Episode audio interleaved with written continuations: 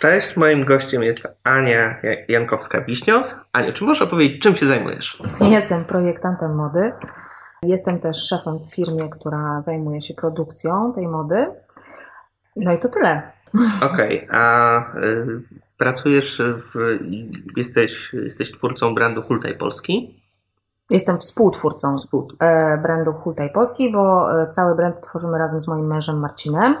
I obydwoje jesteśmy na pewno odpowiedzialni za to, jak ten brand wygląda. Ja jestem odpowiedzialna za to, jak wyglądają ciuchy, które ten brand produkuje, a Marcin jest w dużym stopniu odpowiedzialny za wizerunek, czyli za to, jak ten brand jest pokazywany na zewnątrz. Chciałbym naszą rozmowę podzielić na dwie części. Pierwsze, jak w ogóle powstają ubrania od koncepcji do momentu, kiedy pojawią się w sklepie, tak z grubsza, jakie są poszczególne etapy.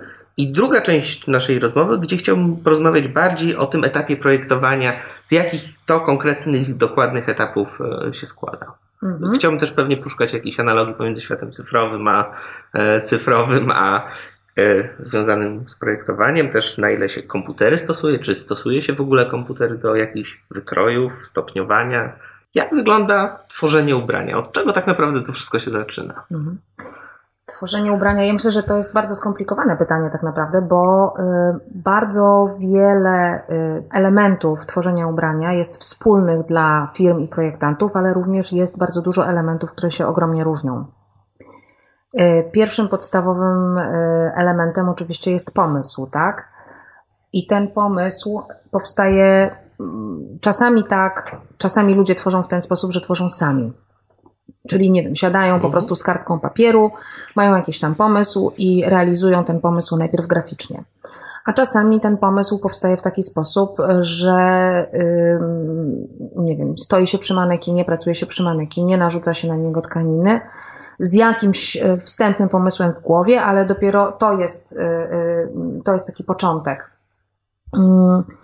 Pytałeś o komputery. Są oczywiście ludzie, którzy na pewno patrzą w ekran, y, mają, y, mają taki rysunek graficzny człowieka, taki rysunek modelowy, na który nanoszą y, w jakimś programie graficznym swoje pomysły. Więc ten początek jakby tworzenia, ten pierwszy etap, który jest po pomyśle, może wyglądać bardzo różnie. Mhm.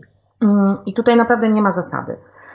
Znam masę ludzi, którzy rysują, ale nie tylko. Znam również ludzi, którzy pracują tak jak ja. Ja pracuję zazwyczaj na manekinie. To znaczy, mam pomysł, który mm, często szkicuję, ale nawet nie jest tak, że szkicuję cały pomysł. Na przykład szkicuję detal tylko, mhm. opowiadając na przykład mojej konstruktorce, co bym chciała uzyskać.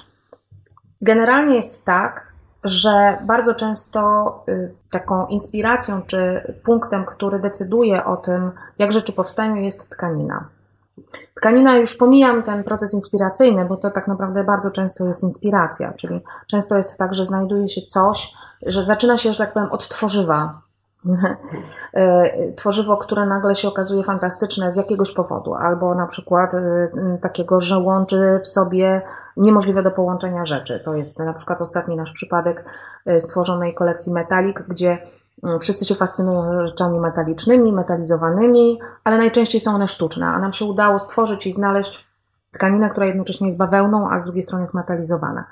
No i to jest coś takiego, co człowiek bierze do ręki, myśli sobie, Boże, kochany, to ja można z tego i kurtkę, i to, i tamto. Ona jakby też człowieka prowadzi za rękę, ta tkanina.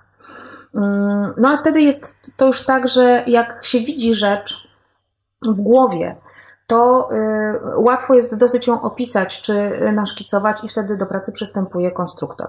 A czy ten, y, ten moment związany z, tym, z tą też inspiracją, bo to bardzo ciekawe, że to się zaczyna od materiału, bo wiesz, innymi słowy zastanawiam się, na ile ta inspiracja może wynikać oczywiście z otyczającego nas świata i na ile ona może wpływać na proces twórczy. No dobrze, to porozmawiam najpierw, najpierw o inspiracji w takim razie. Znaczy, mhm. inspiracja jest zawsze z głowy, a y, pomysł jest tak naprawdę kombem wszystkiego, co się dzieje dookoła nas. Rozmowy z przyjaciółką, y, koloru liści, wydarzenia w sklepie, złości, złości y, spraw zawodowych, y, relacji małżeńskich oraz szkoły dziecka. Więc to, to jest, składamy się z jakiejś niewiarygodnej ilości y, zupełnie czynników, które całościowo składają się prawdopodobnie na pomysły. No i oczywiście jest tak, że czasami na pomysł wpaść łatwo, czasami trudno. To się nazywa y, podobno talentem, a moim zdaniem w ogóle talentem nie jest, tylko jest wprawą. Po pierwsze to jest wprawa, a po drugie nawyk, nawyk myślenia. To jest tak jak kiedyś Raczkowski powiedział, że on po prostu nie jest w stanie myśleć inaczej niż komiksami. Że jest coś takiego, że człowiek cały czas jest ustawiony na tryb pewnego rodzaju. Obserwowanie świata? Nie, myślę, że to, to jest... Odczuwania, większej wrażliwości? Nie, myślę, że po prostu kompilacji y, danych, czy zbieraniu danych i kanalizowaniu ich w tym konkretnym kierunku. Myślę, że to tylko i wyłącznie o to chodzi. I dobra, to jest ważne pytanie, czy, czy to jest artyzm, czy jesteśmy bardziej wrażliwi i tak dalej. Ja strasznie unikam takich rzeczy. Znaczy, artystów to ja znałam dwóch w życiu, tak? I y, jeden już nie żyje. Ale wydaje mi się, że przede wszystkim trzeba myśleć o, o koncentracji, skupieniu, niewątpliwie konieczności, pewnego rodzaju przymusie.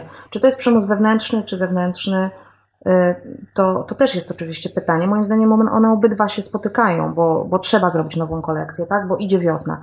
Więc jakby w listopadzie zaczynam myśleć o tym, że ta wiosna będzie i na pewno tak jest, że mój mózg cały czas nad tym e, pracuje. Więc czy ja widzę fajną tkaninę, czy widzę fajne kolory, czy na przykład y, oglądam, y, nie wiem, spektakl teatralny, w którym są niebywałe kostiumy i one jakoś tam mnie y, inspirują do tej wiosny. Czy na przykład czuję, że poprzednia kolekcja się słabo sprzedała, więc muszę bardziej się skupić na tym, co się sprzedaje, tak? I to wszystko, wszystko zbiera się we mnie i w którymś momencie mówię o kurtka.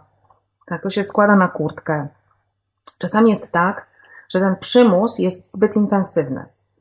Jeżeli on jest zbyt często powtarzany, ten przymus, jesteśmy coraz bardziej jałowi, to owszem, zdarza się też tak, że ta kurtka jest denna.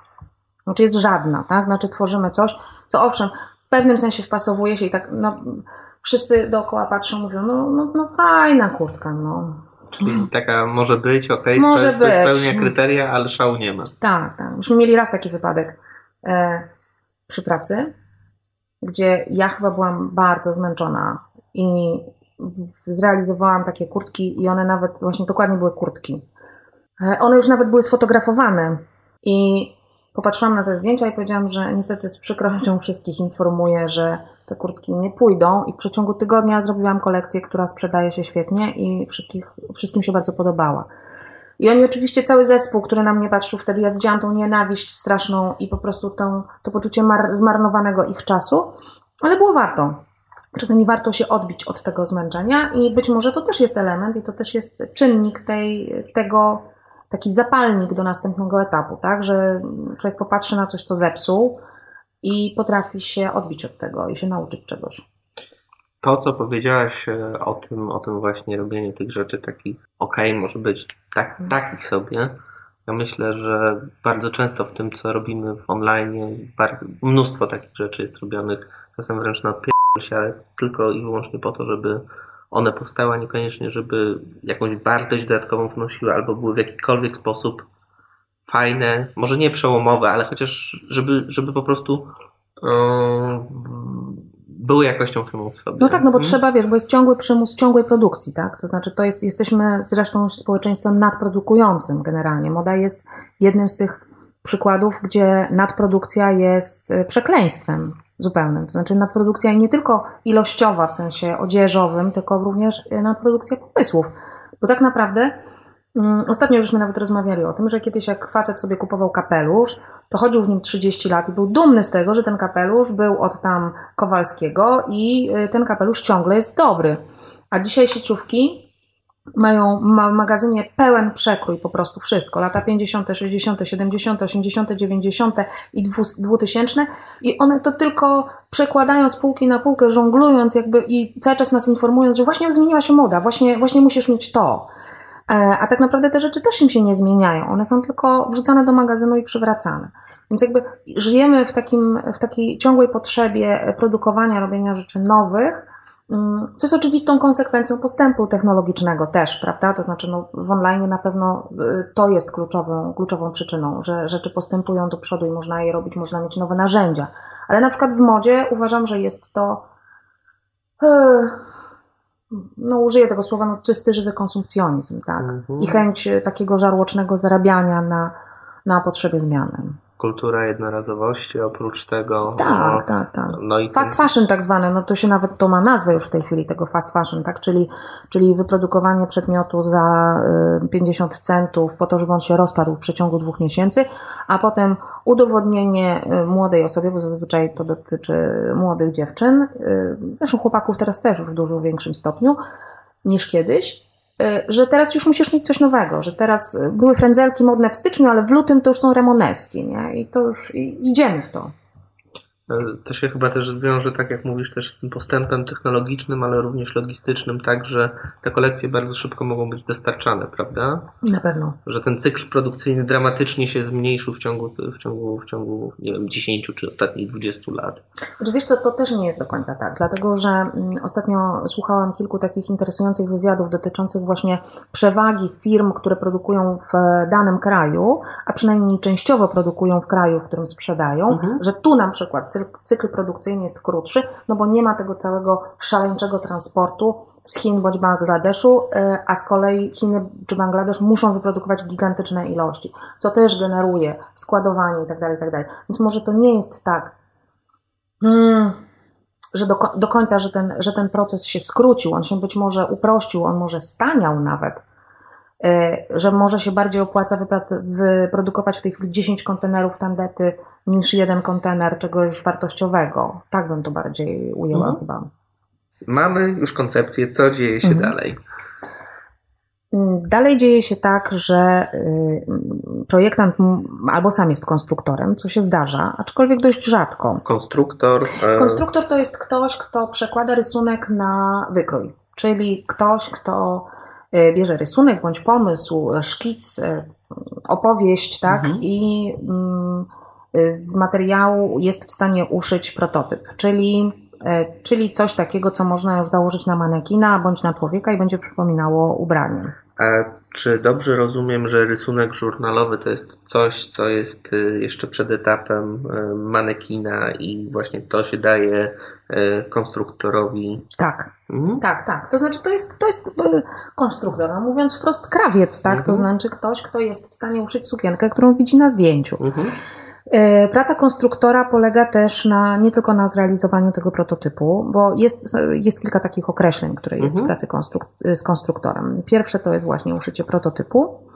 Mm, Drugie to jest skalowanie, a trzecie to są pierwsze odszycia. Skalowanie, czyli dostosowywanie do różnych e, Rozmiarów. rozmiarów. Dokładnie Mhm. tak.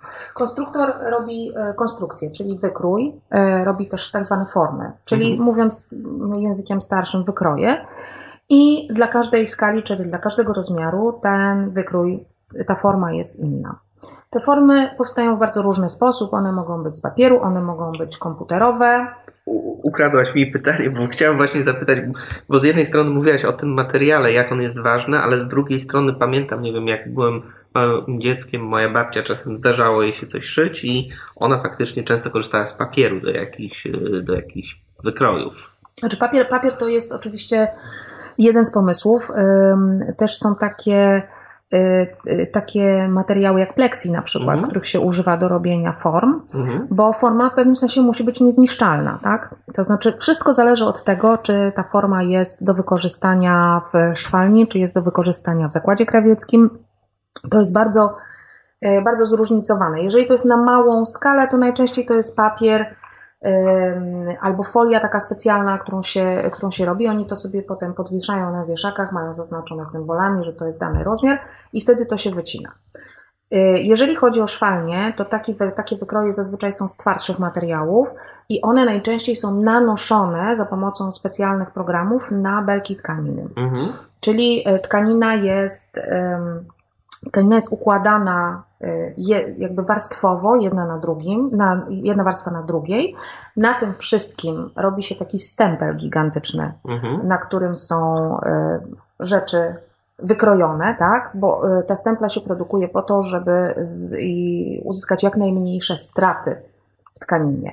Dlatego, że to jest bardzo istotne, bo tkanina, tkaninę przede wszystkim trzeba kroić w określony sposób. Nie można jej kroić byle jak. Nie można przodu koszulki, załóżmy już, weźmy taki najprostszy model, przodu koszulki wykroić w poprzek, a tył koszulki wykroić wzdłuż, tak? Mhm. Bo one się inaczej tka, tra, y, pracują te tkaniny. To jest właśnie typowy, typowe na przykład dla chińskich produktów, że one są krojone kompletnie bez sensu, tylko po to, żeby były jak najmniejsze straty przy ma na materiale. W związku z tym chińska podkoszulka natychmiast się skręca, kurczy i w ogóle ma zawsze, zawsze jest nie taka, nie? Teraz zaczynam mieć wyrzuty sumienia, bo wiem skąd pochodzi moja koszulka. A, natomiast y, nie chciałem być też hipokrytą i zakładać specjalnie jakichś mm. polskich koszulek na to mm. spotkanie. A natomiast y, rozumiem, że wobec tego po części dla konstruktora istotne jest, żeby opracować też taki model wykrajania, aby było. Żeby były jak najmniejsze straty y, na belce. Na, na belce, bo generalnie materiały zazwyczaj, które są, kupuje się na bele, są dość drogie, żeby nie powiedzieć wręcz ekstremalnie drogie. Nie, to nie jest tak, że są ekstremalnie drogie. Znaczy, to wszystko zależy, jakie tkaniny. Tak? Bo są tkaniny oczywiście bardzo drogie, y, bardzo jakościowe, takie jak jedwab takie jak satyna, a są tkaniny czy dzianiny takie, które są dużo tańsze, to jest bawełna, bawełna koszulowa, y, dzianiny, dzianiny dresowe i tak dalej. To są y, te, te dzianiny kupuje się, dzianiny się kupuje na kilogramy, mhm. nie na metry, tylko się kupuje na kilogramy. Belka waży określoną ilość kilogramów i y, przy tej belce producent podaje zazwyczaj tak zwaną wydajność, mhm. czyli ile metrów wypada na kilogram tkaniny czy dzianiny. I wtedy my sobie możemy policzyć, ile metrów jest w belce. Zazwyczaj w ten sposób to się liczy. Jeśli chodzi o pracę konstruktora, który pracuje dla szwalni, to na pewno jest tak dokładnie tak, jak mówisz. To są specjalne programy, które mm, opracowują, skalują i opracowują również jak lagować, tak? czyli jak układać tkaninę pod wykrój. Natomiast y, w takiej firmie jak nasza, to jest trochę tak, że kupuje się belkę i z tej belki się szyje trochę tego, trochę tamtego, trochę owego. To oczywiście generuje dużo większe straty, bo fajnie by było móc skupić belkę i z niej uszyć na przykład tylko 50 e, albo 20 bluz męskich w rozmiarze M. Mhm. No ale do tego trzeba mieć przestrzeń magazynową, po pierwsze. Po pierwsze trzeba mieć jakby fundusze na to, bo jeżeli mamy bluzę M, to musimy mieć bluzę S, musimy mieć bluzę L i XL. W związku z tym zakładam, że na tą jedną bluzę potrzebujemy zazwyczaj wtedy, żeby zrobić tam 20 czy 50 sztuk, w zależności od tego, ile nam wychodzi z danej belki, potrzebujemy załóżmy kupić cztery belki, tak? Mhm. Żeby rzeczywiście te straty były jak najmniejsze, czyli z jednej belki szyjemy po prostu jeden typ. Jest idealnie zlagowana tkanina, mamy na tym ułożone czy nadrukowane y, wykroje, czy formy i E, szyjemy. Tak się zazwyczaj szyje przy wielkich produkcjach. I e, wtedy duża firma po prostu odbiera taki transport, ma magazyn, układa to wszystko na półkach i wtedy, kiedy klient zgłada zamówienie, znaczy po, po pierwsze w programie magazynowym się to wbija do sklepu, czyli wtedy ma, ma, w sklepie istnieje informacja, że dostępnych jest 20 takich bluz i 20 takich i 20 takich. Klient składa zamówienie, magazynier idzie do półeczki, wyciąga, wkłada, pakuje, wysyła kurierem. Natomiast oczywiście to jest sytuacja idealna i w ten sposób powstają sieciówki. E, małe firmy działają inaczej. Małe firmy działają w ten sposób, że kupują belkę materiału i z tej belki szyje się wszystkie te bluzy, plus czapeczki, plus e, kapturki, plus tam co trzeba. Ale dzięki temu jest przynajmniej spójnie, prawda? Bo kolekcja wykorzystuje mm. często te same materiały. Oczywiście, ale to znaczy to. Yy, ma to dwie przyczyny. Jedna to jest ekonomiczna, ale druga rzeczywiście też jakby taka y, te, tendencja do utrzymania pewnego rodzaju spójności. To znaczy, no, w którymś momencie człowiek się decyduje. To jest oczywiście dużo szerszy temat niż produkcja, tak? Do kogo mówimy, jak kto jest naszym klientem. Mhm. Nie chcę tutaj chorować na targetozę teraz, więc zostawmy to. Ale, A, ale nie, poczekaj, bo, bo to, też, to też mnie ciekawi, na ile jest, nie wchodząc bardzo głęboko w ten temat, na ile targetujecie swoich klientów? Czy macie opracowane jakieś persony, jakiś taki swój przybliżony typ klientów i klientek? No, oczywiście, że tak. Okay. Nie przybliżony, tylko bardzo, bardzo, bardzo, bardzo dokładny. Aha. A czy to oznacza, że e, czy to oznacza klientek i klientów? Jak tak, tak, tak, tak, tak, zdecydowanie tak. Innymi słowy, też ten Twój proces projektowania bardzo mocno odbywa się z tyłu głowy też z myślą o tych, e, o tych ludziach. Może raczej proces, y, proces abortowania pomysłów, tak bym to ujęła. W sensie wręcz tak hardkorowo, czy, klient, czy moja grupa docelowa to kupi? Tak. W ogóle, y, jeżeli mam mówić bardzo konkretnie o sobie, to ja jestem, ja jestem człowiekiem, który pracuje w grupie mhm. zawsze. To znaczy, ja mm, nie jestem w stanie y, i, i nigdy nie byłam, pracując twórczo, podejmować decyzji zupełnie sama. Bardzo lubię być tym ostatnim ogniwem, które ostatecznie powie tak bądź nie. Natomiast chętnie słucham argumentów wszystkich i prawdopodobnie wszystkim się wydaje, że jestem uparta jak osioł, ale tak naprawdę ja bardzo słucham tych argumentów. Więc jest pomysł, który ja przedstawiam zespołowi. Ten zespół to jest, y, to jest Marcin, to jest nasza współpracownica, ale to jest również cała masa młodych praktykantów, którzy do nas przychodzą się uczyć. Mhm. I ja ich słucham, to znaczy słucham ich wypowiedzi na zasadzie o Boże, kto to założy, albo y, nigdy bym tego nie założyła, albo ojejku, jakie piękne. I też patrząc na ludzi, którzy to mówią, wyciągam wnioski, tak? To znaczy Zuzia mówi, że jej się to nie podoba, mhm, ale ja nie lubię Zuzi, więc yy, nie jest moim klientem, tak? Mówiąc wprost, bo jej nie lubię. Małgosia mówi, że jej się to strasznie podoba i założyłaby to nawet jutro. Małgosię lubię i jest bardzo zbliżona do mojego klienta, więc jej posłucham. Oczywiście bardzo upraszczam, zdajesz sobie z tego sprawę, tak, no, ale mówię schematycznie, ale tak naprawdę tak się to odbywa. wiesz, też szukam analogii do naszego świata, mhm. gdzie, to, gdzie też te persony, persony użytkowników, którzy konkretnych systemów, aplikacji bądź usług mają używać, mam bardzo, bardzo dokładnie zdefiniowane, więc jest to... Znaczy to jest mhm. najprostsze, ale oczywiście zakładając, poczynając od tego, że jakby trzon, trzpień naszego klienta zaczyna się właśnie w tych archetypach Junga, tak? Czyli zaczyna się tym opracowywać, tymi typami jungowskimi.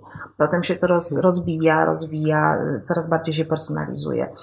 Y, robimy ankiety, wiemy, czy nasz klient pije piwo, czy wino, czy lubi bardziej jeździć y, na rowerze, czy czytać książki itd., tak itd. Tak to jest wszystko absolutnie jakby mm, przez nas opracowywane.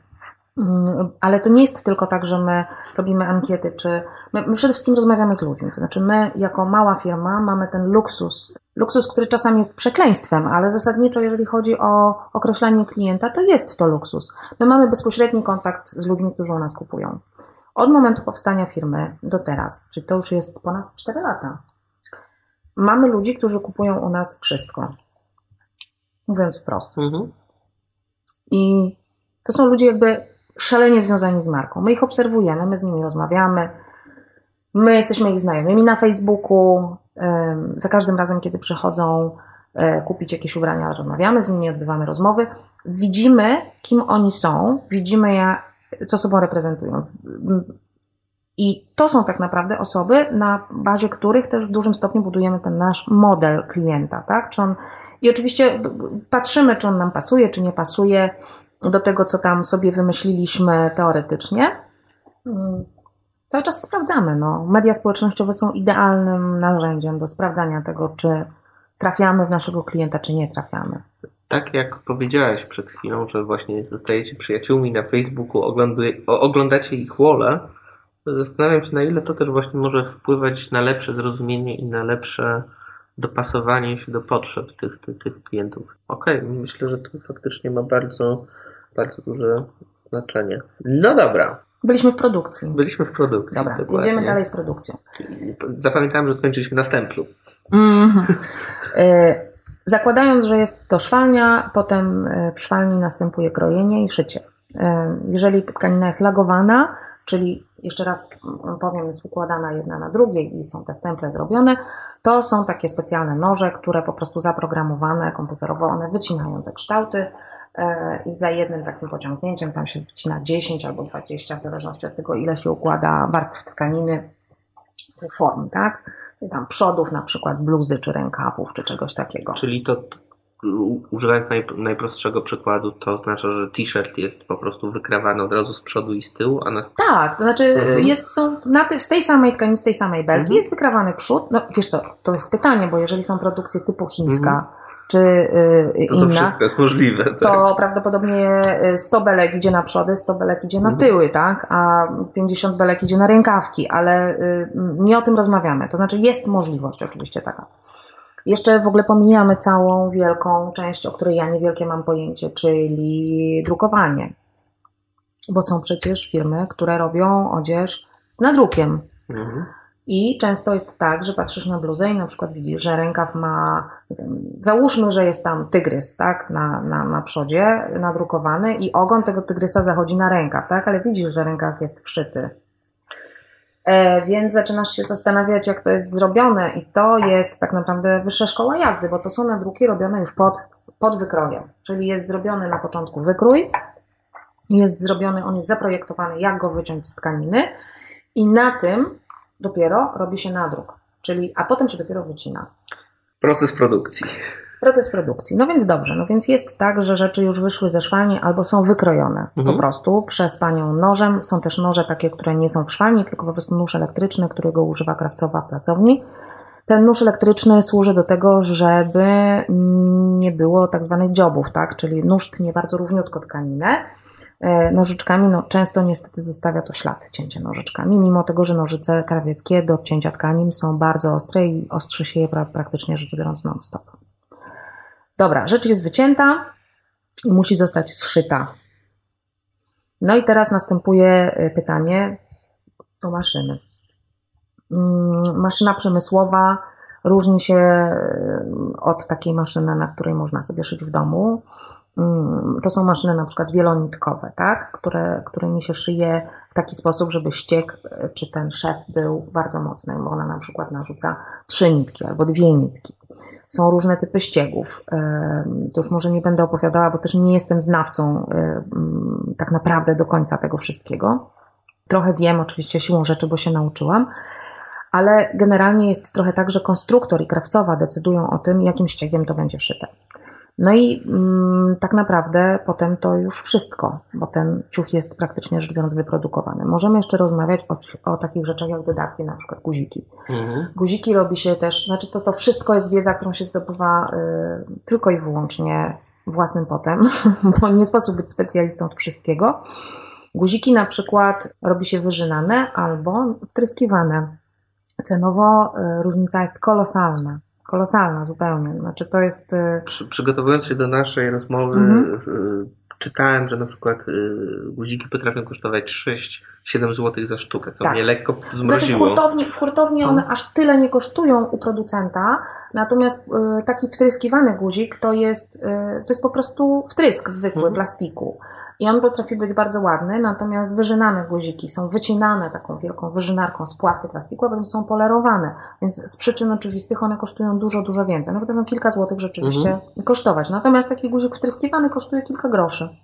Ale oczywiście jest tak, że decydując się na tak zwaną odzież markową czy jakościową, również y, podejmujesz decyzje dotyczące dodatków. Znaczy to nie jest takie proste, bo y, świadomość klienta taki trudny temat, tak? Bo na przykład rozmawiam z ludźmi, którzy zupełnie są spoza branży i mówię im, no wiesz, ale nasz klient na przykład pyta, gdzie to było uszyte. I mówię, no naprawdę? Naprawdę to kogokolwiek interesuje? No naprawdę. Naprawdę to interesuje ludzi. Naprawdę pytają, czy to jest na pewno z polskich tkanin.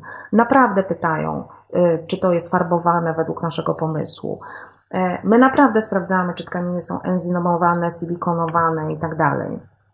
I są klienci, dla których na przykład idea y, tego, że guzik jest właśnie wycięty, tak, albo grawerowany jeszcze dodatkowo, są gotowi za to zapłacić, bo to jest dla nich y, tak, taka egzemplifikacja, czy symbol tego, że, że, że to jest jakościowe. To tak samo rzecz się ma na przykład z y, tak zwanymi y, suwakami, tak, że to mogą być rzeczy albo gorsze, albo lepsze. To też można A projektować. to, a to nie jest, że suwaki są produkowane tylko przez dwie czy trzy największe firmy na świecie Nie. i różnią się Nie, i wyłącznie nie, cenami? Nie, suwaki można zaprojektować też samemu. Można podjąć decyzję, jaką będą miały taśmę, z czego będą to miały taśmę. Można y, podjąć decyzję, czy to są ząbki plastikowe, czy to są ząbki metalowe. To ma znaczenie swoje, dlatego że na przykład no, ząbki metalowe są ząbkami mocniejszymi, ale są bardzo ciężkie. I na przykład jeżeli projektuje się rzeczy z jedwabiu, to jednak mimo wszystko wszywanie w to suwaka, który swoje waży, będzie powodował, że ta tkanina nie będzie dobrze wyglądała, czy ten szef nie będzie, ten zamek cały, zapięcie nie będzie dobrze wyglądało. To są decyzje takie czysto technologiczne, tak? E, No ale kiedyś e, suwak plastikowy to był symbol badziewia, a teraz jest trochę tak, że e, suwak plastikowy może być bardzo, bardzo ładny i może wyglądać bardzo porządnie i może być też bardzo drogi. Tylko to jest kwestia właśnie takiego zrobienia tego dobrze, mówiąc wprost. Okej, na tyle na ile rozumiem i zrozumiałem to, co powiedziałaś, a tak naprawdę cały ten proces tworzenia po tym, jak już masz w głowie koncepcję, a zaczyna się od manekina bądź od rysunku. Ty y, korzystasz z manekina, no właśnie, i jak to dalej wygląda? Wiesz co, to jest tak naprawdę, ja nie wiem jak to wygląda.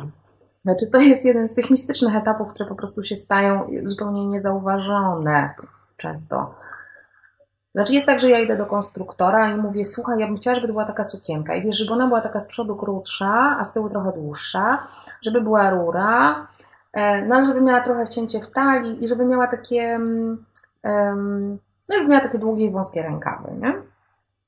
Mm, no i konstruktorka coś tam szyje. To jest worek najczęściej, to znaczy to nic nie jest, to jest jakiś taki prototyp.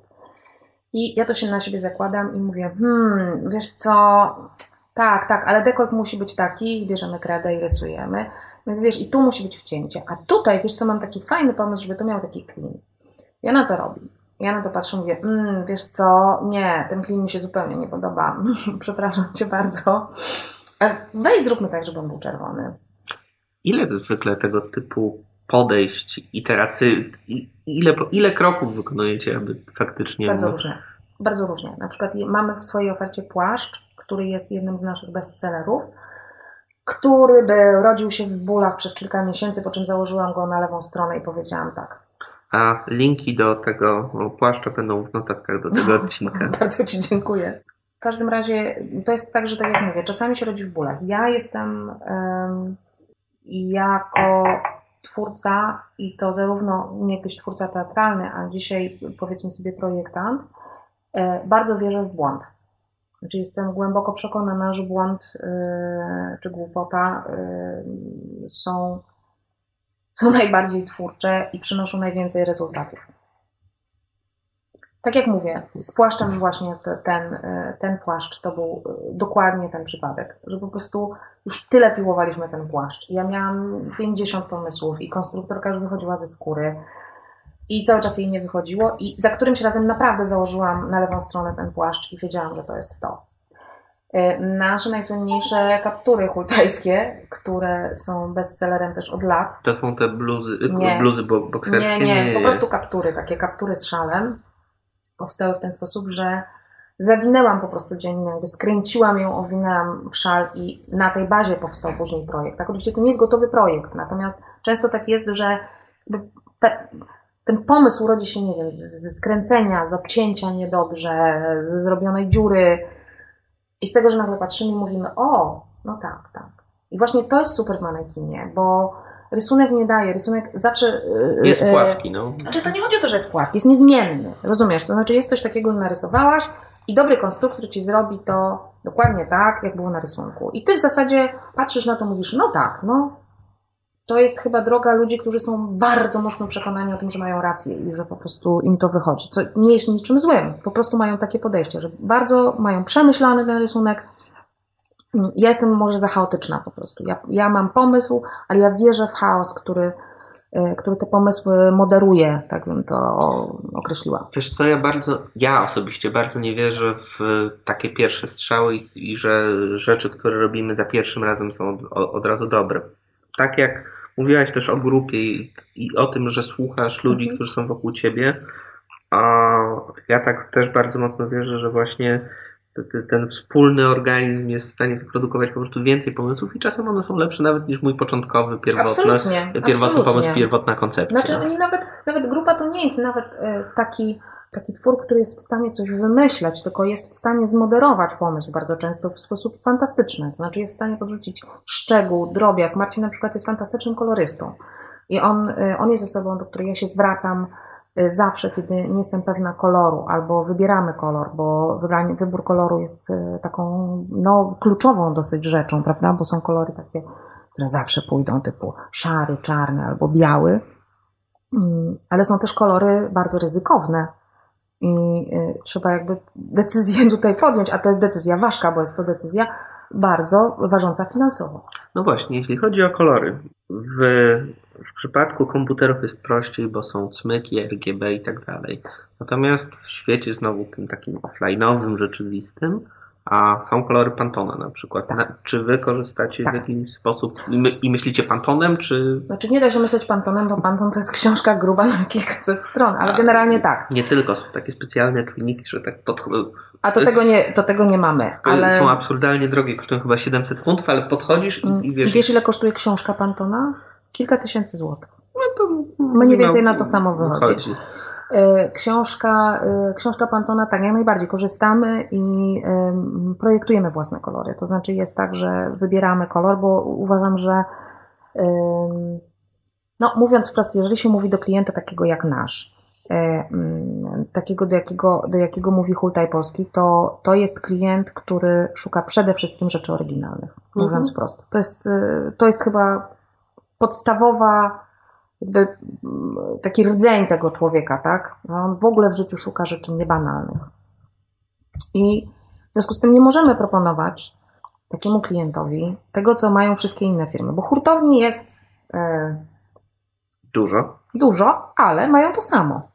Dlatego, że na przykład nie wiem, jakaś sieciówka wyprodukowała dany kolor i w związku z tym wszystkie małe firmy wtedy bardzo chcą mieć ten sam kolor, więc wszystkie farbiarnie w całej Polsce nagle po prostu produkują ten sam kolor i we wszystkich hurtowniach to jest. W związku z tym nasz klient nie chce tego koloru już no, od razu no, no, bo nie jest to unikalny. Nie Oczywiście, jest to... nie jest to mhm. unikalny kolor, więc oni chcą mieć kolor, który jest unikalny, jest w pewnym sensie zaprojektowany przez nas i my dlatego wybieramy takie kolory. Projektujemy jakby w kolekcjach, proponujemy, proponujemy kolor, który, który jest tylko nasz. E, to się robi w ten sposób, że się ten kolor wybiera i nie daje się go na tak zwaną chemię. On musi zostać wyprodukowany. Bo w farbiarni, w farbiarni jest laboratorium, oni produkują taką farbę, e, i wtedy farbiarnia, że tak powiem, barwi taką tkaninę. Im bardziej o tym słucham, tym słyszę, że to jest bardziej skomplikowany proces. Jest to no jak mhm. wszystko. To znaczy, to, to jest oczywiście y, y, z punktu widzenia pewnie, z punktu widzenia murarza. Y, y, produkcja cegieł nie jest jakaś skomplikowana, ale z punktu widzenia producenta materiałów budowlanych to wszystko jest chemicznym, skomplikowanym mhm. procesem i mm, jakby ścieżką wyborów za każdym razem. Ale czy to oznacza, że mm, to oznacza, że te materiały, które kupujecie następnie standardowo barwicie, czy też barwi się głównie dzianiny? Wybacz moją ignorancję, ale nie, barwi się wszystko, tylko my, my szyjemy głównie z dzianin. Mhm. My szyjemy głównie z dzianin e, i barwi się wszystko, tak? To znaczy można nadrukowywać na wszystkim, na dzianinach też, można barwić tkaniny. E, zamawia się zamawia się takie barwienie, z tym, że wybarwić, ponieważ y, farbiarnia y, nie wybarwić na przykład 5 metrów mhm. czy 2 kilogramów, tak? To jest, to jest taki proces, to jest taka decyzja finansowa, którą firma podejmuje, bo farbiarnia jest w stanie wybarwić minimalne ilości. To zależy, tam niektórzy mają 40 kg, ale najczęściej to jest około 100 kg e, dziennie. 100 kg to jest 5 belek, mhm. mniej więcej. E, w związku z tym no, to już jest duża ilość, to jest, to jest taka finansowo też duża mhm. ilość, bo to jest tylko jeden kolor. A jeżeli na przykład chcesz do tego zrobić ściągacz, to musisz też wybarwić ściągacz w tym samym kolorze. E, kolor jest przygotowywany na bazie kodu pan, e, z książki Pantonu. No i proces jest taki, że ten kolor się wybiera. E, potem się trzeba bardzo dobrze zastanowić, jak dalece ten kolor wsiąka, tak? To znaczy, bo to jest e, tak, że jak patrzymy na kolor na, na błyszczanej kartce papieru, to on wygląda zupełnie inaczej niż na przykład jak puścimy go na papier czerpany. Tak samo jest z tkaninami i z dzianinami. Czyli jeżeli mamy jakiś kolor, to musimy się bardzo głęboko zastanowić, czy on na pewno będzie tak pięknie i soczyście wyglądał na tkaninie o gramaturze 350, która jest po prostu zeżre ten kolor, mówiąc wprost. E, no ale jakąś tam decyzję trzeba podjąć. One nigdy tak pięknie na dzianinach nie wyglądają jak na papierze. Decyzja jest podjęta, e, kolor idzie na chemię, czyli idzie do laboratorium chemicznego, które jest przy farbiarni. I z tej farbiarni e, kolor jest produkowany, czyli farba po prostu jest produkowana specjalna. I yy, farbujemy. farbujemy. Farbujemy jakąś konkretną ilość tych tkanin czy dzianin. I to jest dosyć poważna decyzja dla firmy, szczególnie małej, ten wybór koloru, ponieważ e, wybarwić można dosyć sporą ilość. Są takie farbiarnie, które mają mniejsze wsady, ale najczęściej wsad to jest około 100 kg. W związku z tym trzeba wybarwić 5 belek tkaniny, żeby w ogóle móc wybarwić. No i oczywiście trzeba te 5 belek kupić, tak? bo mm, pan farbiarz nie, nie ma takiego obyczaju, żeby trzymać kolejne belki u siebie w magazynie i czekać na jakiegoś frajera, który przyjdzie i kupi akurat ten kolor, prawda? Więc kupujemy po prostu cały ten wsad. E, także to jest taka całkiem poważna decyzja kolor. A jak wygląda ten wybór tego koloru? W jaki sposób wiesz, że chcesz użyć tego? No nie wiem, no pojęcia nie mam. To znaczy, no używamy, używamy wyłącznie oczu i gustu, tak? To znaczy zakładamy, zakładamy na przykład, y, że ten kolor się będzie podobał. Y, my, my jako Hultaj w ogóle nie korzystamy z takiego myślenia, że coś będzie modne albo coś było modne. Ja się staram zawsze kierować tym, tym czym kierują się moi klienci. Moi klienci się nie kierują modą nigdy. Oni mają to gdzieś dokładnie, co się nosi na ulicy. Oni jakby wiedzą, co im się podoba i noszą po prostu takie rzeczy. I jakby, jakby znalazła miłośników Turnur, to produkowałabym Turnury. Turnura to jest taka XIX-wieczna wsad, wsad taki do spódnicy z tyłu, który powodował, że pupa była taka duża, wysoka, to jest Turnura. Więc to są tacy ludzie, którzy jakby, oni naprawdę mają swoje własne przekonania modowe i tyle. Więc ja bardziej kieruję się ich potrzebami. Natomiast oczywiście to, to, że się popełnia błędy, to jest, to jest jasne, ale druga sprawa jest taka, że najczęściej sytuacja wygląda tak, że kolor się staje wyłącznie znakiem drogowym dla klienta. Wygląda to w ten sposób. Szyje się takie same rzeczy, szare, i szyje się na przykład w trzech różnych pięknych, bardzo intensywnych kolorach. No i to potem wszystkie te rzeczy wiszą na sztenderach i przychodzi klientka i mówi tak, sztendery to są to takie, to jest to, na czym się wiesza wieszaki. A, to te ramy takie. Takie ramy, tak. Nawet I, Ikea chyba coś takiego Tak, tak, tak. Mhm. E, no i biegnie klient i mówi, Boże, jakie piękne kolory, widać Was z daleka, naprawdę widać. Czy ma Pani to samo w szarości? To, to, to, to brzmi jak ja też, wiesz? Ja bym też prawdopodobnie tak mm. tak zrobił. No więc to jest, to jest oczywiście tak, że kolory też często służą po prostu na no, co tu dużo mówić, ale muszą być piękne i muszą być dopasowane do, do tendencji jakby tego klienta, którego się obsługuje, mówiąc wprost. Mhm. Tyle jeśli chodzi o, o kolory. Mm, zaczęłaś też tak powoli mówić również o dodatkach, że to potrafi być e, na ile kwestia doboru dodatków jest istotna w momencie projektowania? Czy to jest coś, co się robi na samym końcu, czy... Ale powiedz mi, o jakich dodatkach mówisz? O guzikach, o suwakach, e, o zamkach błyskawicznych, o, e, nie wiem, o metkach. O, o, metaforycznym, metaforycznym piórku, który na przykład mm. jest. Bo dodatek, wiesz, to może być też chusteczka albo krawat, tak? Mm -hmm. Bo dodatek krawiecki, a dodatek odzieżowy to jest co innego. Dodatek odzieżowy, ewidentnie chodziło, chodzi o Czyli dodatek, dodatek odzieżowy to są bardziej chusteczki, szelki, e, to jest dodatek odzieżowy. Okay. Dodatek krawiecki to jest guzik, to jest jakby to, co jest potrzebne do tego, żeby to, to, co ubranie stanowi, działało. To, co stanowi Integralną część ubrania. Odzieży. Niekoniecznie, żeby działało, natomiast to, które stanowi część wspólną to mam na e, myśli. No rozmawialiśmy o guzikach, mhm. tak? E, a pytasz, czy to ma znaczenie dla klienta? E, raczej jak, jak to wygląda u Ciebie w Twoim a, procesie. Pro, procesie wymyślania, kombinowania, tworzenia? Myślę, że to się dzieje wszystko naraz. To znaczy, to nie jest tak. Y, mamy taki płaszcz, który się nazywa rewolter i on jest taki frakopodobny trochę. Czy to jest ten, ten męski płaszcz, który macie też w zestawie y, z, dziec- z dziewczynką? Tak, mamy, tak, dokładnie. Y, I ja od początku wiedziałam, że on będzie czarny, ale będzie miał czerwone elementy, tak? Więc nie, nie jest tak, że patrzę na gotowy i myślę, mmm, dobra, jeszcze guziki, mmm, w jakim kolorze, mm. tylko ja od razu wiem, że on będzie miał jeden czarny, jeden czerwony guzik. Znaczy mhm. nie umiem Ci powiedzieć, to, ten proces zachodzi, to jest jednolity jakby e, proces. No, oczywiście nie zawsze, tak? To znaczy czasami się zdarza, że jest, że, że jest coś i to potrzebuje tego takiego ostatniego pociągnięcia pędzla i, i, i nie ma pomysłu i nagle wtedy okazuje się, że to jest właśnie guzik albo metka albo coś tam. Ale tak jak mówię, zazwyczaj to jest po prostu, idzie to równolegle, o tak bym to ujęła.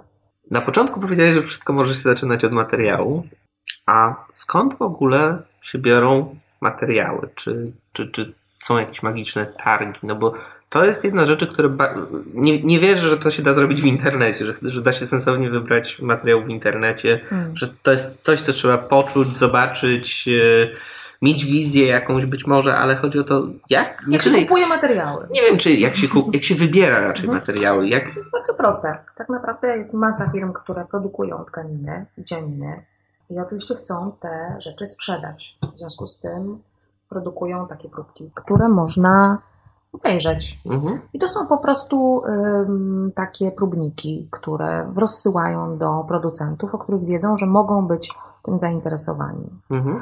I zarówno są to sprzedawcy detaliczni, tacy, no powiedzmy sobie, detaliczni w takim sensie, że mają belkę do sprzedania, tak? Mhm ale również są to producenci, y, którzy proponują wykonanie danego typu y, materiału.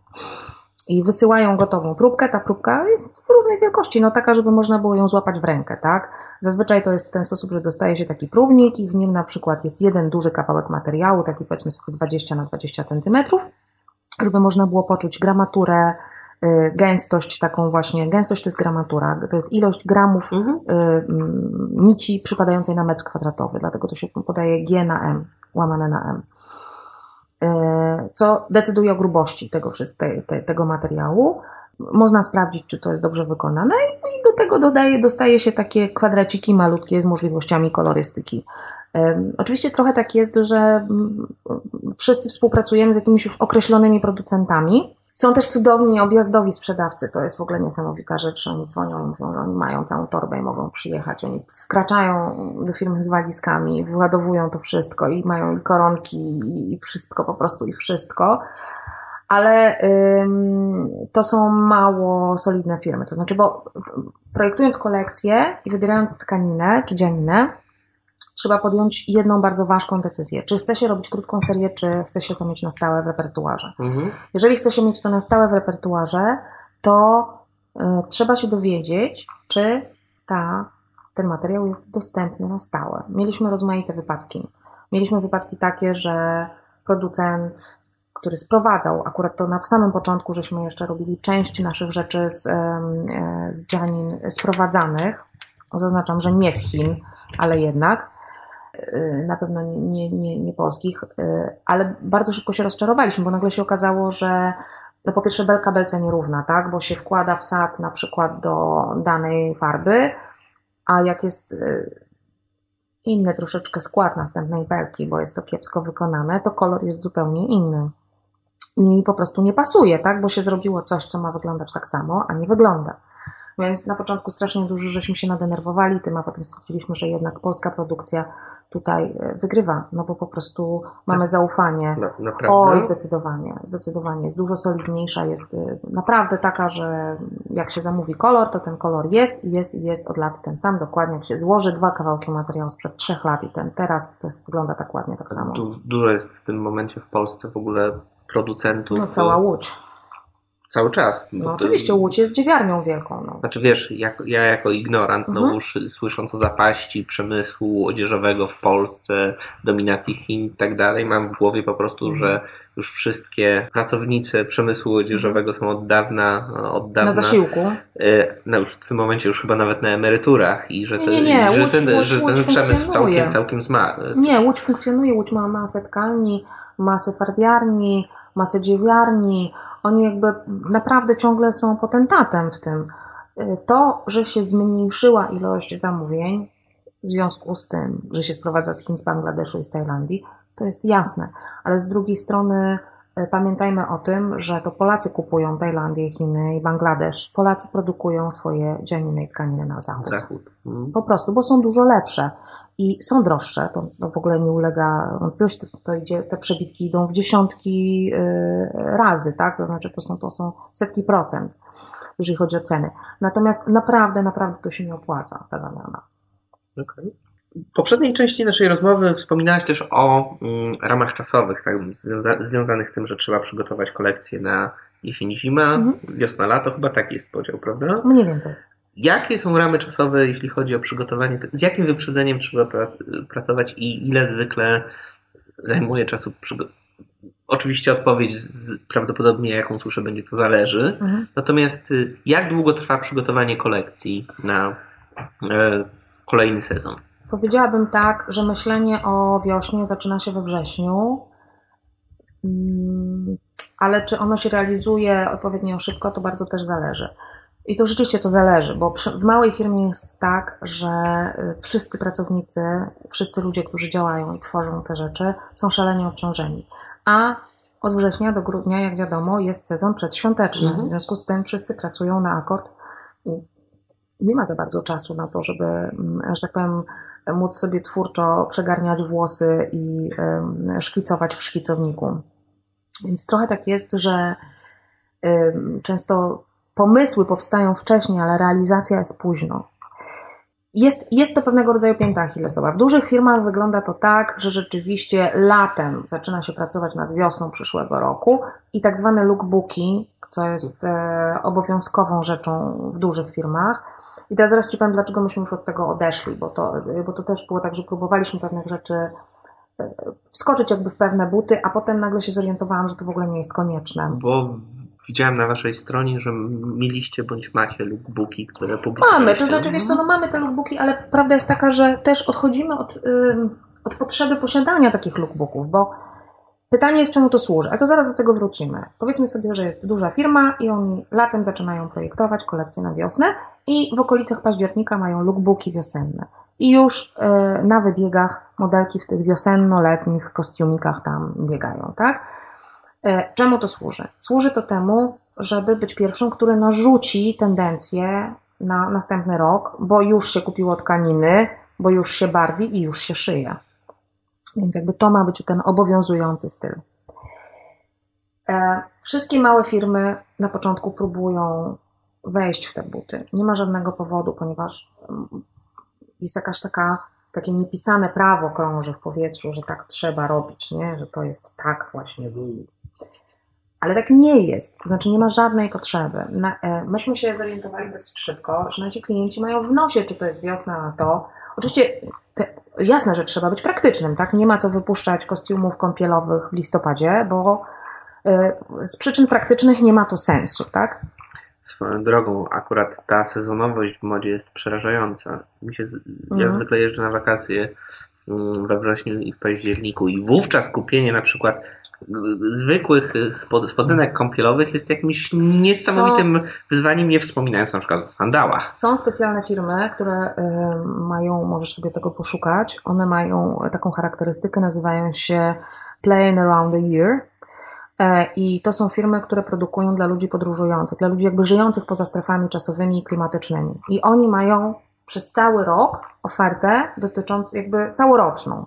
I oni się w tym specjalizują. To są rzeczywiście firmy, które mówią, to jest ich klient, tak? To jest klient, który naszym latem jedzie na Alaskę, e, potem w lutym jedzie do Wietnamu i tak dalej. Natomiast rzeczywiście taka firma stacjonarna jak my, taka, taka lokalna bardziej, no to musi się tą pogodą kierować, to jest oczywiste. Natomiast zauważyliśmy, że po pierwsze, nasi klienci w ogóle nie potrzebują nowych rzeczy. Oni nie mają żadnej potrzeby na to, żeby pojawiła się tada w lutym kolekcja zupełnie nowa i ze sklepu zniknęło wszystko to, co było. Oni by zwariowali. Mhm. Dlatego, że oni lubią te rzeczy, które są. I oni sobie jeszcze nie kupili takiej bluzy w takim kolorze i jak to ona zniknęła. A za każdym razem, kiedy usuwamy coś ze sklepu, to natychmiast dostajemy masę maili pod tytułem ale jak to? Było dwa lata i nagle nie ma? No jak to? No przecież zawsze było. Więc y, my wychodzimy z zupełnie innego założenia i to nie jest żadna tajemnica handlowa w tym momencie, bo to po prostu można u nas w sklepie sprawdzić, że y, idąc y, inżynierem mamoniem, my po prostu zachowujemy te same modele, które ewidentnie ludzie po prostu lubią i chcą je mieć i kupują je sobie w różnych kolorach. Często jest tak, że po prostu potrzebują odświeżenia koloru danego modelu niezwykle popularne kaptury, które się sprzedają naprawdę na, na, na, na setki zupełne. Przez ile? Trzy miesiące nie mieliśmy bordowego koloru, to dostałam dziesiątki maili, gdzie jest moje bordo. I w momencie, kiedy przedwczoraj wypuściłam Bordo, to po prostu pół belki natychmiast zeszło y, jeszcze nie uszytych kapturów, bo wszyscy zaczęli kupować Bordo, bo nie było Bordo, przecież nie było Bordo przez kilka miesięcy. Ale czekaj, czekaj, czekaj. Tutaj mówisz o bardzo ciekawej rzeczy też. Czy to oznacza, że a, w momencie, kiedy już macie materiał, zaczynacie sprzedawać, e, sprzedawać produkty? Tak. No szyjemy na zamówienie. Mhm. Czyli w momencie, kiedy spływa zamówienie, zamówienie idzie do szycia. Oczywiście, że jest tak, że doszywamy na targi modowe. Mhm. E, wiemy, no bo, co no bo... schodzi w tak zwane, bez... bo jest bardzo duża różnica między sprzedażą bezpośrednią a sprzedażą internetową. Są rzeczy, które lepiej się sprzedają w necie, czy dobrze się sprzedają w necie, a są takie, które w ogóle w necie się sprzedać nie mogą, ze względu na to, że po prostu trzeba je przemierzyć. Czy łatwiej, powiedzmy, częściowo się, nie jest tak, że w ogóle się nie sprzedają, ale powiedzmy sobie, no, taka lwia część sprzedaje się na żywca. Mhm. To jest, yy, i to są rzeczy, które po prostu klient musi zmierzyć, bo one są na przykład drogie, yy, w jakimś sensie ryzykowne, jakimkolwiek, tak, finansowym, modowym, rozmiarowym, muszą zmierzyć. Co to znaczy drogie według Ciebie? Czy według Waszych klientów? To jest bardziej Mm, ciekawe. Wiesz co, to jest, to jest pytanie y, znowu relatywne, dlatego że psychologia mody mówi tak. Płaszcz z byle czego może kosztować 2000. Bardzo droga w produkcji spódnica, która zawiera w sobie wiele dziesiąt metrów materiału, jej uszycie jest bardzo kosztowne. e, 500 zł masakra. Płaszcz jest rzeczą, jest odzieżą ciężką, więc może kosztować. Nawet jeżeli jest naprawdę tandetny i jest zszyty po prostu z trzech płacht materiału i przepasany jeszcze jednym kawałkiem materiału. Ale może. Mhm. E, odzież lżejsza nie może tyle kosztować. No ale niestety fakty są uparte, tak? Nie da się ich oszukać. Takie, że na przykład jeżeli w spódnicy jest 10 metrów tiulu, jest uszyta z pełnego koła, czyli nie tnie się, rozumiesz, kawałków, tylko po prostu się wycina z belki kawał koła, Dziękuję za wytłumaczenie tego jak facetowi. E, no, on by się na ciebie obraził e, w tym momencie. Ale generalnie to tak wygląda. Rozumiesz, że to jest po prostu ogromne zużycie i wielka praca. Szycie tiulu jest gigantyczną robotą. I no, krapsowej trzeba za to zapłacić, tak? Za ten materiał też trzeba zapłacić. Spódnica jest piękna i wszystkie kobiety achają i achają, mówią, ale 500 zł, no jak to za spódnicę? No tak, no, tyle ona kosztuje. Ale temat chyba ceny to też jest w ogóle bardzo problematyczna kwestia. Nie wiem na ile e, wy wykształciliście już swoich klientów odnośnie tego, że produkty produkowane w Polsce plus nie, nie pochodzące z sieciówek Mhm. plus y, dające pracę ludziom na miejscu i tak dalej, i tak dalej. Na ile to jest cały czas proces edukacyjny, a na ile macie to wszystko w dużej mierze z waszymi klientami bądź potencjalnymi mm, klientami przepracowane. Wiesz co, powiem ci, e, powiem ci, że to trochę wygląda jak kamień wrzucony w wodę i z kręgami. E, mówię o reklamie. Że na przykład, jeżeli jest tak, że reklamujemy jakiś post na Facebooku i on dociera do jakiejś określonej ilości osób, to jesteśmy w stanie oczekiwać pewnego rodzaju reakcji. Im to koło jest szersze, im jest dalej od tych naszych klientów bazowych i od nas, tym częściej słyszymy, Jezu, za co tyle pieniędzy, ale to drogie, baba, baba. Jak można zapłacić 200 zł za bluzę? Przepraszam, za, że, Tak. że trywializuję, ale. Tak, tak, tak, dokładnie tak. Czyli to jest trochę tak, że jest to grono, y, że jest pewnego rodzaju grono, które jest, y, które rozumie temat i wie, że to jest uszyte z danej, jakby z dobrej jakościowo dzianiny. Przede wszystkim też wiesz, to jest trochę tak, że jak ktoś kupi raz naszą bluzę, to już wie za co zapłacił. Ja cały czas dostaję takie informacje, Boże kochany, tą bluzę uprałem 100 razy już chyba i ona wygląda ciągle tak samo, tak?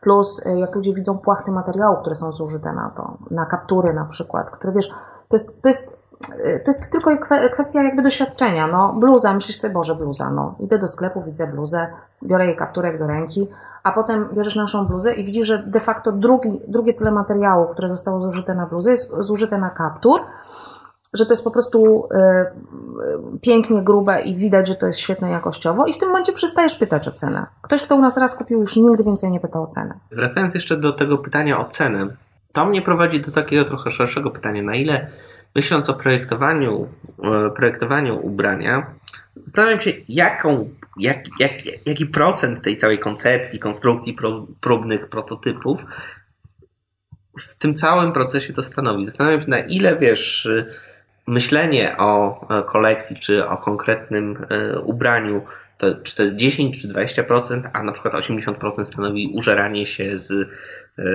dostawcami, z farbiarnią, z, z szwalnią. Jak? Zastanawiam się po prostu, Czy chodzi Ci o to, czy jeżeli wymyślasz projekt, to się zastanawiasz, czy on będzie bardzo, czy, czy przy- przysporzy Ci problemów w tym sensie? Nie, zastanawiam się raczej, jaki procent pi razy drzwi w, całym tym procesie dostarczenia, Aha. wytworzenia ubioru stanowi myślenie, a na ile stanowi i tworzenie, a na 1 ile... do 99. 1 do 99. 1% to jest myślenie. Znaczy to jest, to się dzieje mimochodem, wiesz. To, to Mhm. nie są te wszystkie filmy z cyklu Diabeł ubiera się u Prady, y, to są fikcje tak jak wszystkie inne amerykańskie filmy. W takiej firmie jak nasza dział kreatywny y, działa non-stop, 24 na dobę. To znaczy mm, projekty i konstrukcje robione są ciągle, na bieżąco. One są robione między odbiorami osobistymi, wysyłkami, e, newsletterem i czymkolwiek. Przychodzi konstruktor i my zamieniamy cztery zdania, tak? Ja mówię, słuchaj, tu nie, tu bardziej, tu mniej. A dobrze, to ja to, a to poprawimy, a to trzeba zwęzić, bo wód nie ma. Aha, a, czyli tak naprawdę, tak jak w przypadku każdego innego projektu, myślenie, kreacja, koncepcja, czy nawet projekt i prototyp to jest niewielka część, a egzekucja i realizacja tego jest prawie wszystkim. Mm, tak, tak, zdecydowanie tak. To znaczy, no wiesz, no, ja bym tutaj nie porównywała z jak ze wszystkim, bo lata, lata spędzone w teatrze jednak nauczyły mnie tego, że kreacja jest, potrafi być 50%, ale y, czy jakby proces, proces tej kreacji, ale tutaj tak jest, dlatego że tutaj jest tak ogromna ilość praktycznych zadań, które trzeba wykonać i przede wszystkim, wiesz, no, struktura firmy, w której pracują trzy osoby, a która wykonuje zadania takie same jak korporacja, która zatrudnia setki osób, no odciska swoje piętno, że tak powiem, na osobach, które mhm. to robią. No właśnie, to jest też jedno z moich pytań. A ile osób jest tak naprawdę w to zaangażowanych? Jesteś ty, mhm. E, jest konstruktor ubrania, są mhm. E, szwaczki, bądź osoby obsługujące te maszyny od tych stempli. Kto jeszcze jest w to zaangażowany? Kogo jeszcze potencjalnie mogliśmy pominąć? Mówisz o produkcji, czy mówisz o sprzedaży? O produkcji. Produkcja to jest tak naprawdę konstruktor, yy, wiesz co, to jest trochę inaczej. Konstruktor i krojczy to jest zazwyczaj ta sama osoba. Mhm. Krojczy to jest bardzo, bardzo ważna postać. Krojczy to, nawet w szwalni krojczy jest ważną postacią, nawet jeżeli to jest krojenie setek yy, egzemplarzy na raz.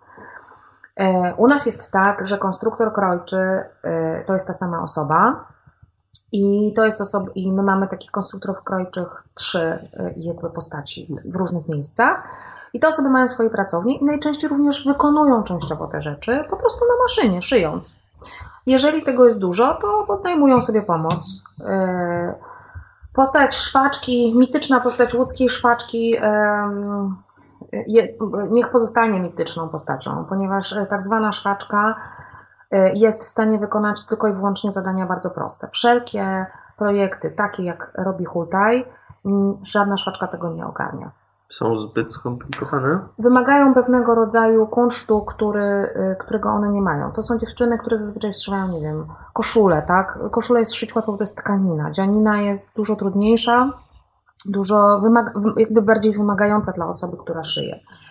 E, no poza tym, wiesz, no, no wymaga takich, e, takiej zwykłej uwagi po prostu, tak? E, plus jeżeli nie szyjesz dziesiątków egzemplarzy w tym samym rozmiarze, w tym samym kolorze, tylko musisz uszyć tu taki płaszczyk, tu taką bluzę i tak dalej, no żadna szpaczka Ci tego nie ogarnie. To musi być krawcowa, która po prostu zarządza, ona sobie ogląda cały grafik szycia, wybiera sobie te same rzeczy, kładzie, kroi nożem, wiesz, to, to, jest, to już jest dosyć takie trudne zadanie.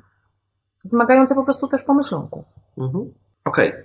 Bardzo Ci dziękuję. Chciałbym na zakończenie dowiedzieć się jeszcze, gdzie słuchacze naszego podcastu mogą, mogą kupić te projekty, o których tak długo rozmawialiśmy. Zapraszam wszystkich słuchaczy podcastu na stronę hultajpolski.pl przez samocha i bez żadnych e, kropek ani myślników. Tam można kupić wszystkie nasze e, ubrania. E, można też wejść na naszego Facebooka Hultaj Polski na Facebooku, do czego serdecznie zapraszam, bo można tam obejrzeć tak naprawdę bardzo, bardzo ważną część naszej działalności, czyli zdjęcia, o których dzisiaj nie rozmawialiśmy, a, bo nie dotyczyły, że tak powiem, nie zawierały się w temacie, natomiast zdjęcia są E, wielką frajdą, przyjemnością i specyfiką hultaja robi je Marcin, który e, siedzi obok nas tutaj i właśnie obrabia. A żeby było jeszcze zabawniej, z Marcinem się znamy od prawie 10 lat. Popracowaliśmy wieki temu w innej firmie. A dziękuję bardzo. Linki do wszystkich e, witryn, o których rozmawialiśmy w trakcie i o mitycznego płaszcza płaszcza oraz kaptura. oraz kaptura znajdą się w notatkach do tego, do tego odcinka. Do usłyszenia. Dziękuję bardzo. Dzięki.